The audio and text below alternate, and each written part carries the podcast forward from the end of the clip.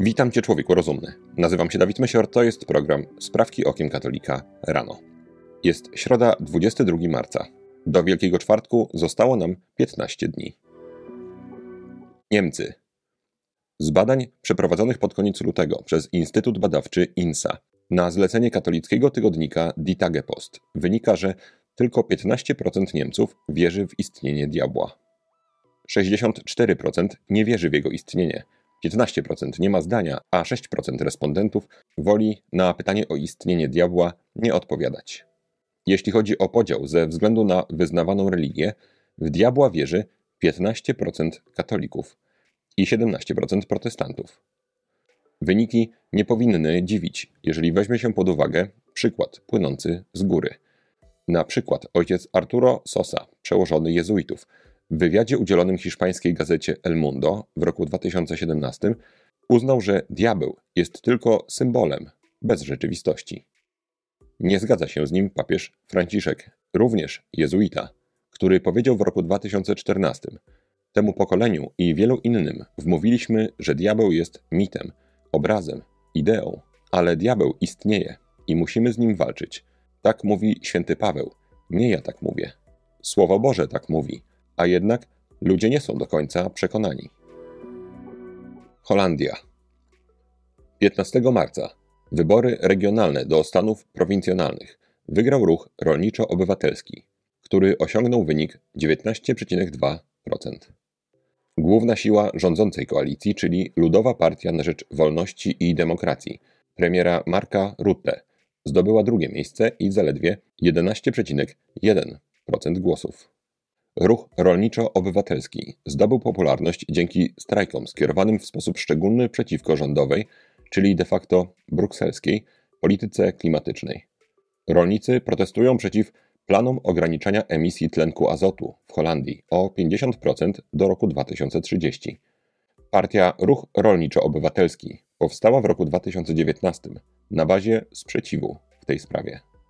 Wybory prowincjonalne są o tyle istotne, że członkowie rad prowincji wybierają członków Senatu. Partia Rolników może liczyć na 15 mandatów w 75-osobowym Senacie. W ostatnich latach nie byliśmy traktowani poważnie.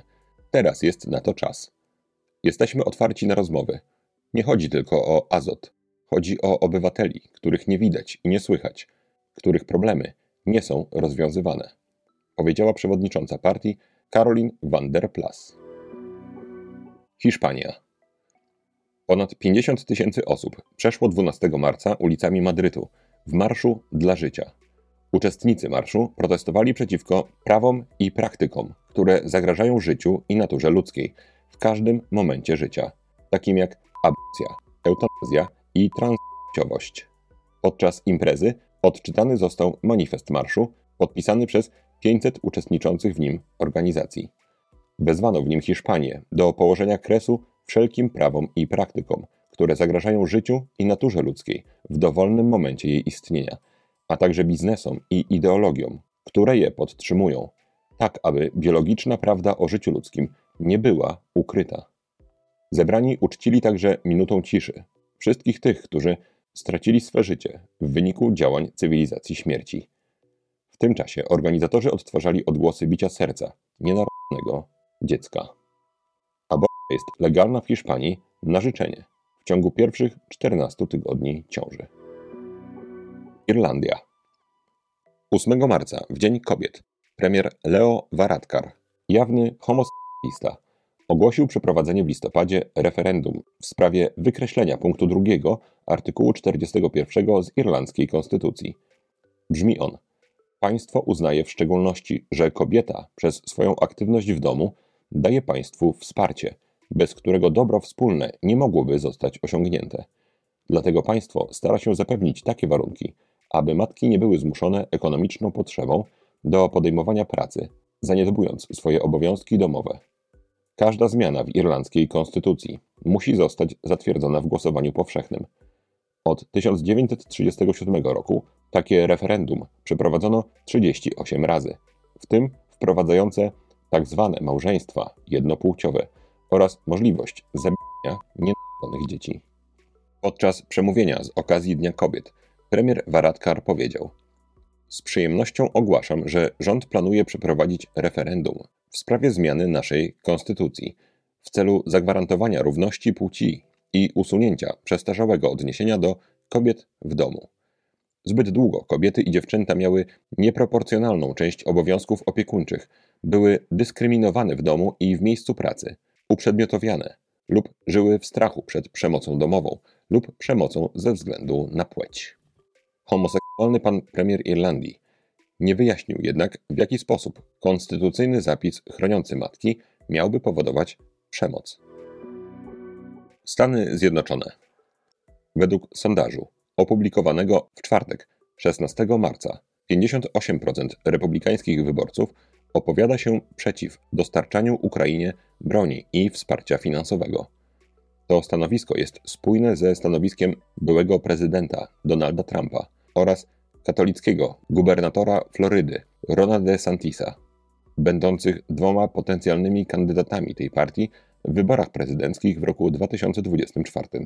Donald Trump jakiś czas temu oznajmił, że gdyby był prezydentem, zakończyłby tę wojnę w ciągu 24 godzin lub mniej. Są tam pewne rejony, które są rosyjskojęzyczne. Szczerze mówiąc, można by dobić targu, powiedział Trump w programie Shona Hanity. Z kolei DeSantis w odpowiedzi na ankietę rozesłaną przez Tuckera Carlsona do potencjalnych republikańskich kandydatów na prezydenta oznajmił, chociaż Stany Zjednoczone mają wiele żywotnych interesów narodowych, dalsze wikłanie się w spór terytorialny między Ukrainą a Rosją nie jest jednym z nich.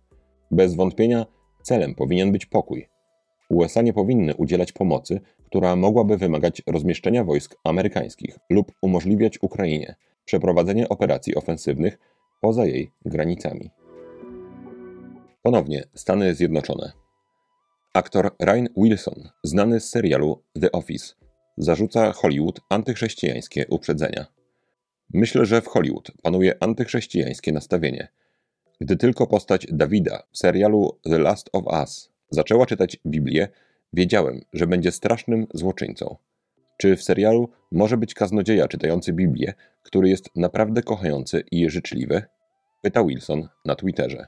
Główny złoczyńca w popularnym postapokaliptycznym serialu The Last of Us, David, jest pastorem kultu kanibalistycznego, który zawiera elementy chrześcijaństwa.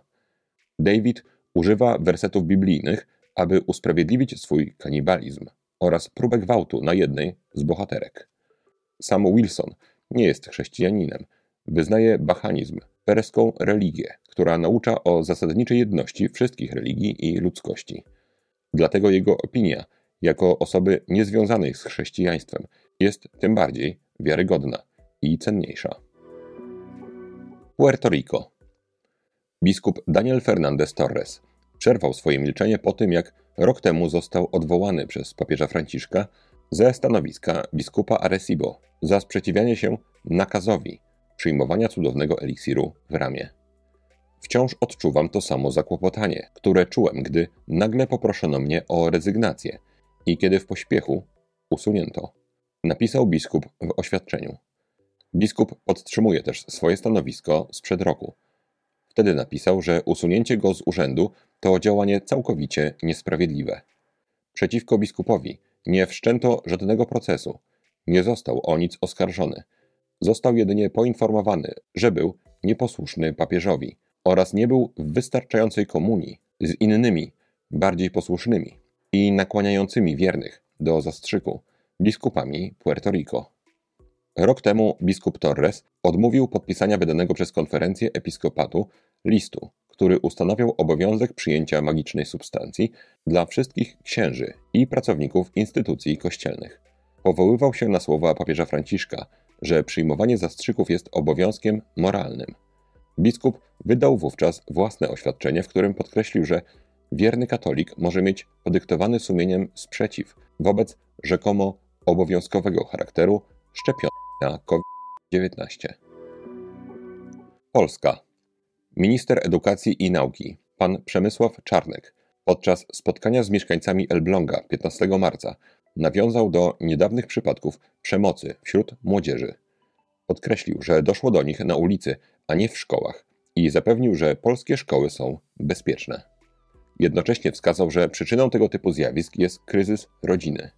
A kto walczy z rodziną? Kto walczy z wartościami rodziny? Kto walczy z małżeństwem? Kto szkaluje małżeństwo? Kto tym dziewczynkom każe pisać te straszne rzeczy na czole o rodzeniu? Pytał minister. Dodał też, że potrzebny jest powrót do dyscypliny, odpowiedzialności, obowiązku i autorytetu. Trzeba skończyć z mówieniem dzieciom w szkole, że mają tylko prawa. Mają prawa i obowiązki. Trzeba skończyć z mówieniem, że jest tylko wolność. Jest wolność i odpowiedzialność. Nie ma wolności bez odpowiedzialności. Trzeba skończyć z mówieniem, że w szkole najważniejszy jest uczeń. W systemie oświaty najważniejszy jest uczeń, ale w szkole najważniejszy jest nauczyciel, bo to on jest autorytetem. Minister Czarnek wyraził również opinię, że rodzice powinni słuchać nauczyciela i nie mieć pretensji, jak postawi jedynkę czy wstawi uwagę. Będziemy sprawdzać błędy uczniów, będziemy wstawiać uwagi i będziemy szanować autorytet nauczyciela, żeby nie postawić sprawy na głowie. Ostatnia sprawka to krótka rozprawka. Wczoraj wymieniłem kilka trików, które stosuje lewica w dyskursie publicznym, ale również ludzie o poglądach lewicowych w toczonych przez siebie dyskusjach. Dzisiaj kolejna paczka często stosowanych przez lewicę trików. Prowadzenie dyskusji w ten sposób, że gdy tylko meritum staje się niewygodne, następuje płynna zmiana tematu. Na przykład w trakcie dyskusji ze strony osoby o poglądach lewicowych pada Jezus kazał kochać wszystkich. Co z ciebie za katolik, że nie masz tolerancji dla osób LGBT? Czy ty Biblii nie czytałeś? Powiedzmy, że katolik odpowie. Ale w Biblii traktuje się jako godne potępienia postępowanie pogan, którzy nie znają Boga ani godności człowieka, a grzech jest obrzydliwością w oczach Boga. Miłość chrześcijańska oznacza pragnienie dobra drugiej strony, a nie sympatię do niej, czy też akceptację dla jej grzechu. Grzeszących musimy upominać w trosce o ich duszę. W tym momencie osoba o poglądach lewicowych albo powie, że to są zabobony ze średniowiecza, chociaż sama na początku powoływała się na Biblię. Ewentualnie zmieni temat. Kolejną bardzo podobną techniką jest przytaczanie danych, w nadziei, że ty ich zwyczajnie nie znasz i że nie zadasz sobie trudu, żeby je sprawdzić. Jeżeli to zrobisz i skonfrontujesz z nimi prawdziwe dane, co podważy ich retorykę, znowu najczęściej z twardych danych, szybko zmienią przedmiot rozmowy na przykład na emocje. Kolejnym bardzo często stosowanym trikiem jest mieszanie masy z jednostką. To jest zabieg bardzo charakterystyczny dla komunizmu. Czyli powiedzmy, że masa, tłum niszczy coś. Jeżeli ktoś postawi opór masie, tłumowi, lewica błyskawicznie rozpocznie retorykę, że tutaj ktoś krzywdzi jednostki z tego tłumu. Proszę zwrócić uwagę na tę technikę.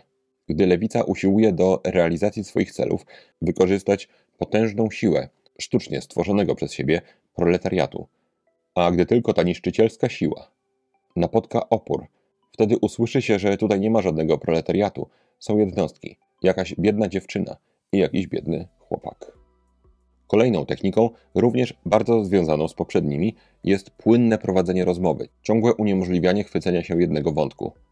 Na przykład ktoś gdzieś powie, że homoseksualizm jest czymś naturalnym, ponieważ podobne zachowania możemy zauważyć u zwierząt. Jeżeli na to powiesz, że to jest raczej naciągana teoria, ale nawet jeżeli ją przyjąć, to cóż z tego? Wśród zwierząt można przecież zaobserwować również kanibalizm. Gdy modliszka zjada swojego partnera, albo na przykład tarantula włoska wcina inne tarantule włoskie. Podobnie szympansice w Gwinei doskonale wiedzą, że urodzić muszą w odosobnieniu od samców, ponieważ samce lubią od razu sobie takie małe, nowonarodzone szympansiątko pożreć. Powiesz też, że wśród zwierząt można zaobserwować związki kazirodcze. Wtedy rozmawiająca z tobą osoba o poglądach lewicowych może powiedzieć coś takiego. Czy ty porównujesz homoseksualistów do zwierząt i mówisz, że oni będą siebie nawzajem zjadać?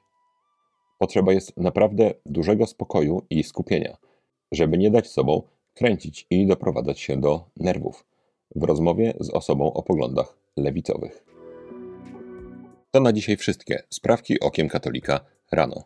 Życzę Wam błogosławionego dnia i proszę nawet tych, którzy trochę ten trwający Wielki Post jak dotąd przespali, żeby ostatnie jego kilkanaście dni wykorzystać możliwie jak najlepiej. Człowieku rozumny, trzymaj się, nie łam się i bardzo Ci dziękuję za Twój czas.